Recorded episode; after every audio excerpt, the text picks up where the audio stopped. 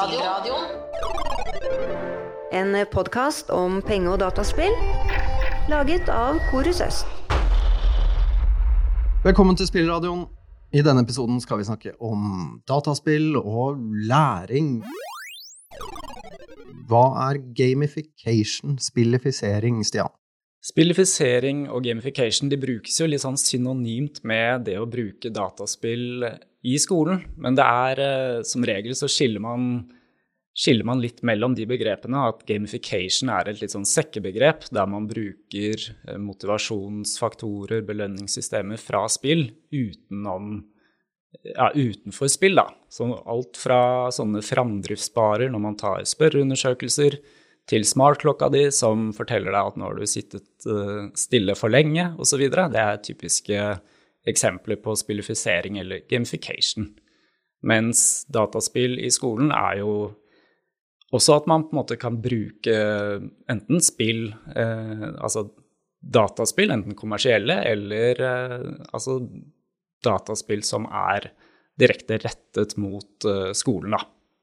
Som er designet for å oppfylle bestemte læringskrav. Og det er jo også et, uh, et område i veldig vekst. Altså det har jo vært mye fokus på dataspill og læring egentlig i flere tiår. Men nå i det siste så har det også dukket opp flere eksempler på hvordan man kan gjøre det i praksis. Det har bl.a. kommet en ny bok fra en del spillpedagoger her i Norge som beskriver hvordan de jobber med dataspill helt uh, konkret og knytter det opp mot uh, læringsmål i forskjellige fag.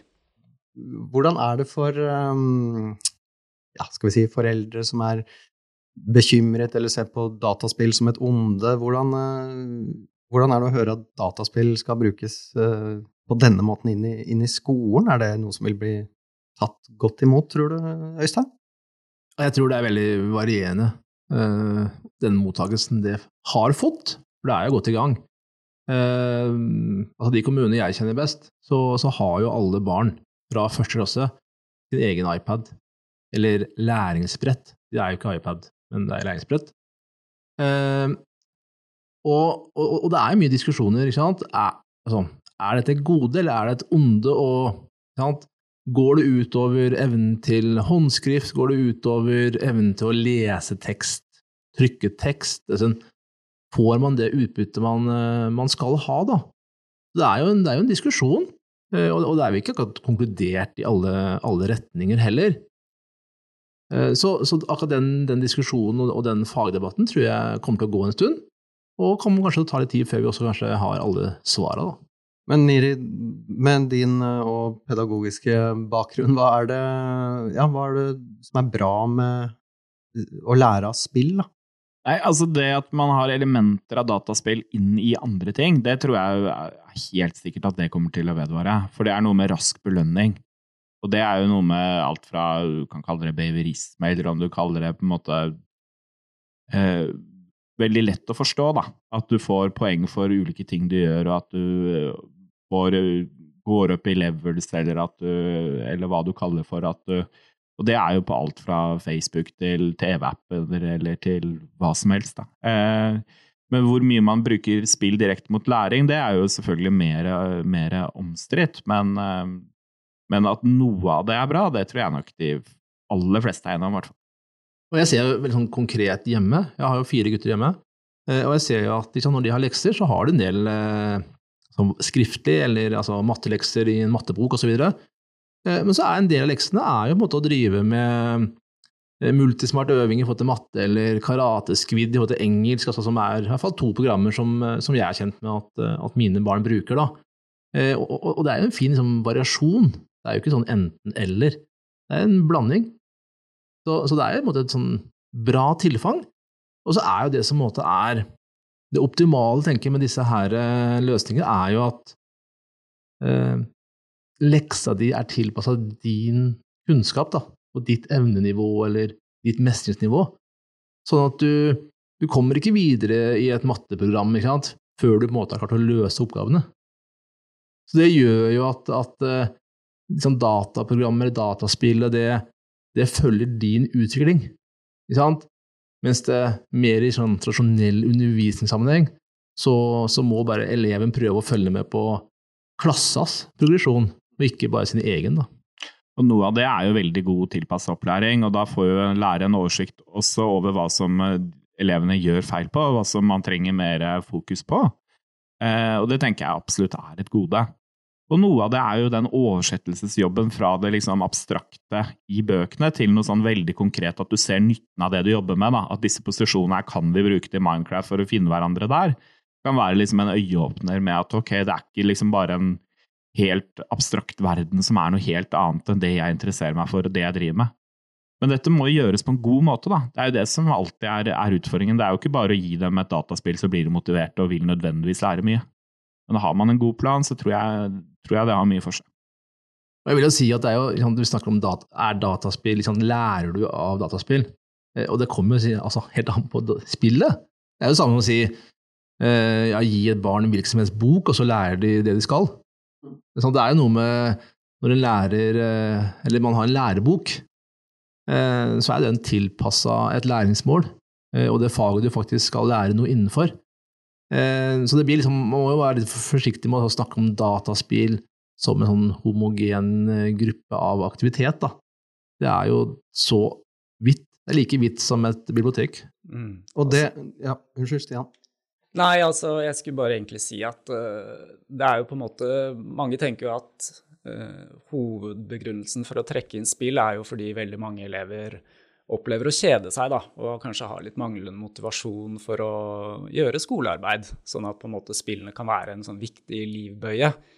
Og det er jo Kan jo se argumentasjonen der, men det er jo litt, en litt farlig tanke også. Eh, samtidig som at eh, jeg tror nok spill for mange, og kanskje spesielt gutter, da, som har spill som en veldig sentral hobby, at det kan på en måte gi en forankring til skolen når de opplever at skolen tar deres eh, fritidsinteresser på alvor og hjelper dem på en måte å bygge en bro da, mellom eh, hverdagen utenfor skolen og sentrale ting som de skal lære. Og så er det også veldig spennende, altså, for det er jo ikke noe nytt at man bruker spill som på en måte er designet for undervisning i skolen, men nå er det også flere eksempler på at man bruker kommersielle spill ikke sant, som er myntet på gamere generelt, og så bruker man de inn i undervisningen ved at man selv på en måte tilpasser et eh, undervisningsopplegg, da.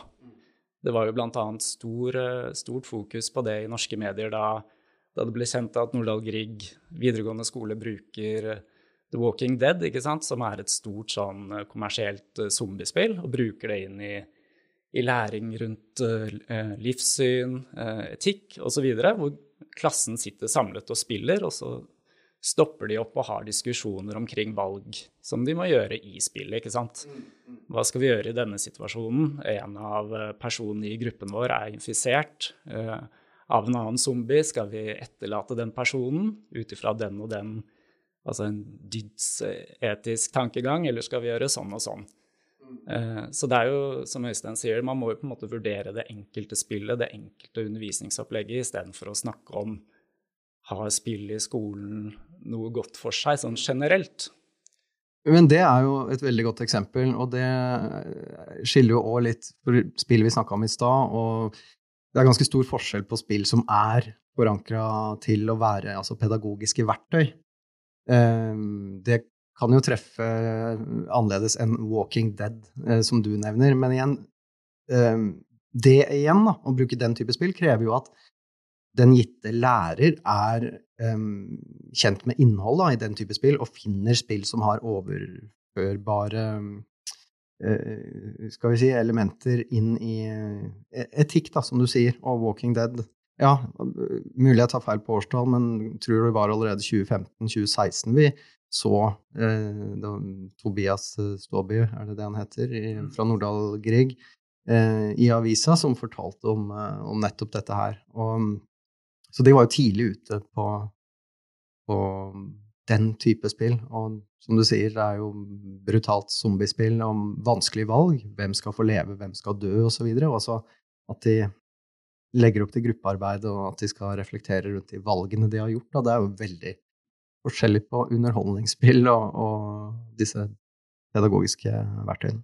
Jeg har jo veldig tro på den metoden, og det blir jo veldig konkret. Og det er noe med at den følelsen du har når du har stått til det valget, måtte ta det valget i spillet, og så må begrunne dette på og knytte det opp mot uh, etisk teori, det tror jeg er mye mer virkningsfullt. Da, og at du, at du, kjenner mer på det på kroppen. Du har hatt den der litt ugreie magefølelsen. Hva skal jeg velge? Nå har jeg et ordentlig dilemma her. Og hadde du fått det klassiske togskinneksempelet, at du kan velge å få toget til å spore og drepe to personer istedenfor å drepe fem personer, men de to personene er, eh, er helt uskyldige, eh, så tror jeg ikke du hadde følt det i like stor grad, da. selv om det i utgangspunktet handler om akkurat det samme. Og at det er utilitarisme mot dydsetikk som er på en måte eh, nøkkelbegrepene. da. For det gir jo en, gir jo en, en, gir en, altså en konkret visualisering, da. Altså, og, den, eh, og, og, jeg tenker når vi snakker om læring, vi snakker om skole her, blant annet. Eh, men klart, altså dataspill eller dataspill eh, mekanismer, det brukes jo i veldig mange sammenhenger. Altså, når vi måtte få mer og mer bruk av, av VR-teknologi, så er det jo en måte, altså, om det ikke er spill, så er det jo på en måte eh, spillelementer, ikke sant? Eh, som du får gjennom den derre virkelighetsnære opplevelsen i å stå i en situasjon, da. Som brukes blant annet innenfor ja, forskjellige medisinske eh, områder.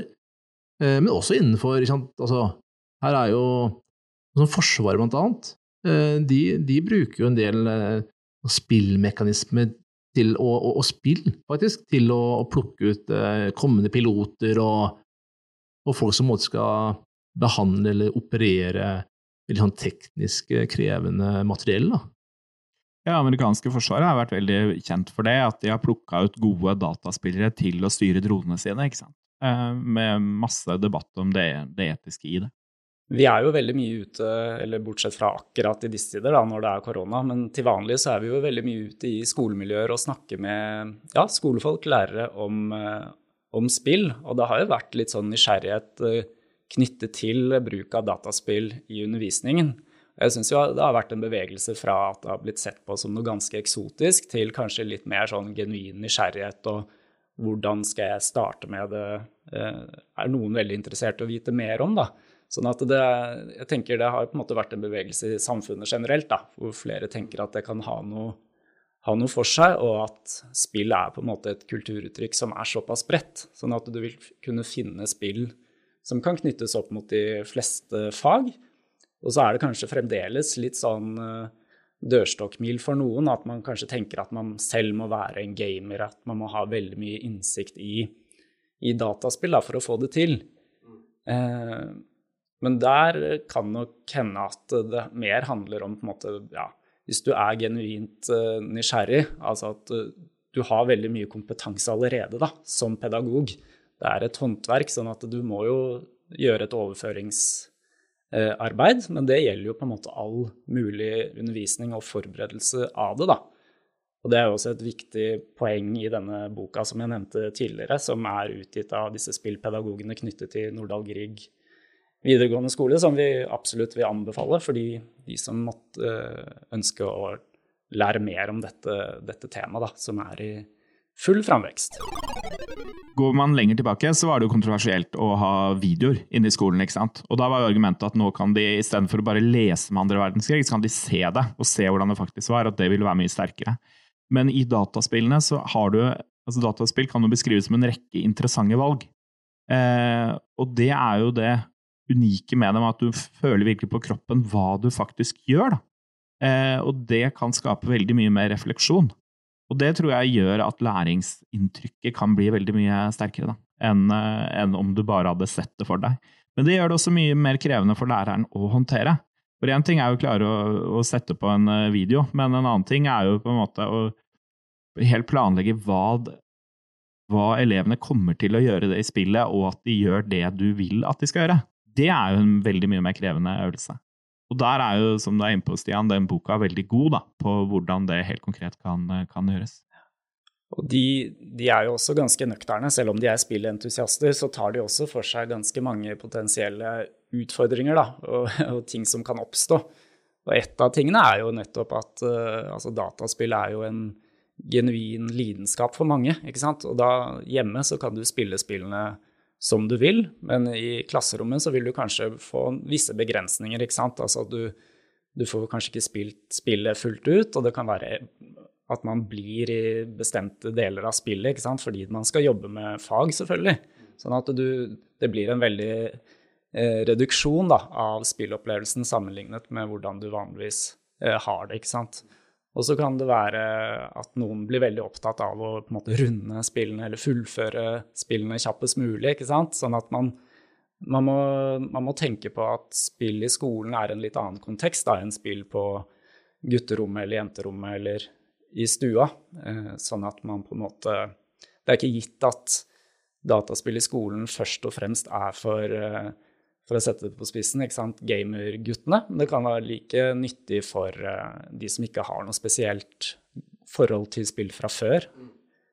Så det er også, jeg tenker det også er litt viktig, at det handler ikke om å bare Ja, altså at det bare handler om, om gamerguttene, da, men at man, dette kan ha positive effekter for en mye større gruppe. Og at man liksom må inn og se og vurdere helt konkret både på spillet og elevgruppen på hvordan det kan fungere. Og du og jeg så jo Vi var så heldige å få se dette her på nært hold ved å besøke Nordahl Grieg videregående skole i Bergen og ta del i en sånn time da, hvor elevene spilte Det var ikke Walking Dead eh, den dagen, det var um, da var det My Child. Lebensborn, ja. Yes. Norskutviklet spill. Det var jo ekstra gøy å kunne være litt sånn flue på veggen da, i en sånn helsesosial mm.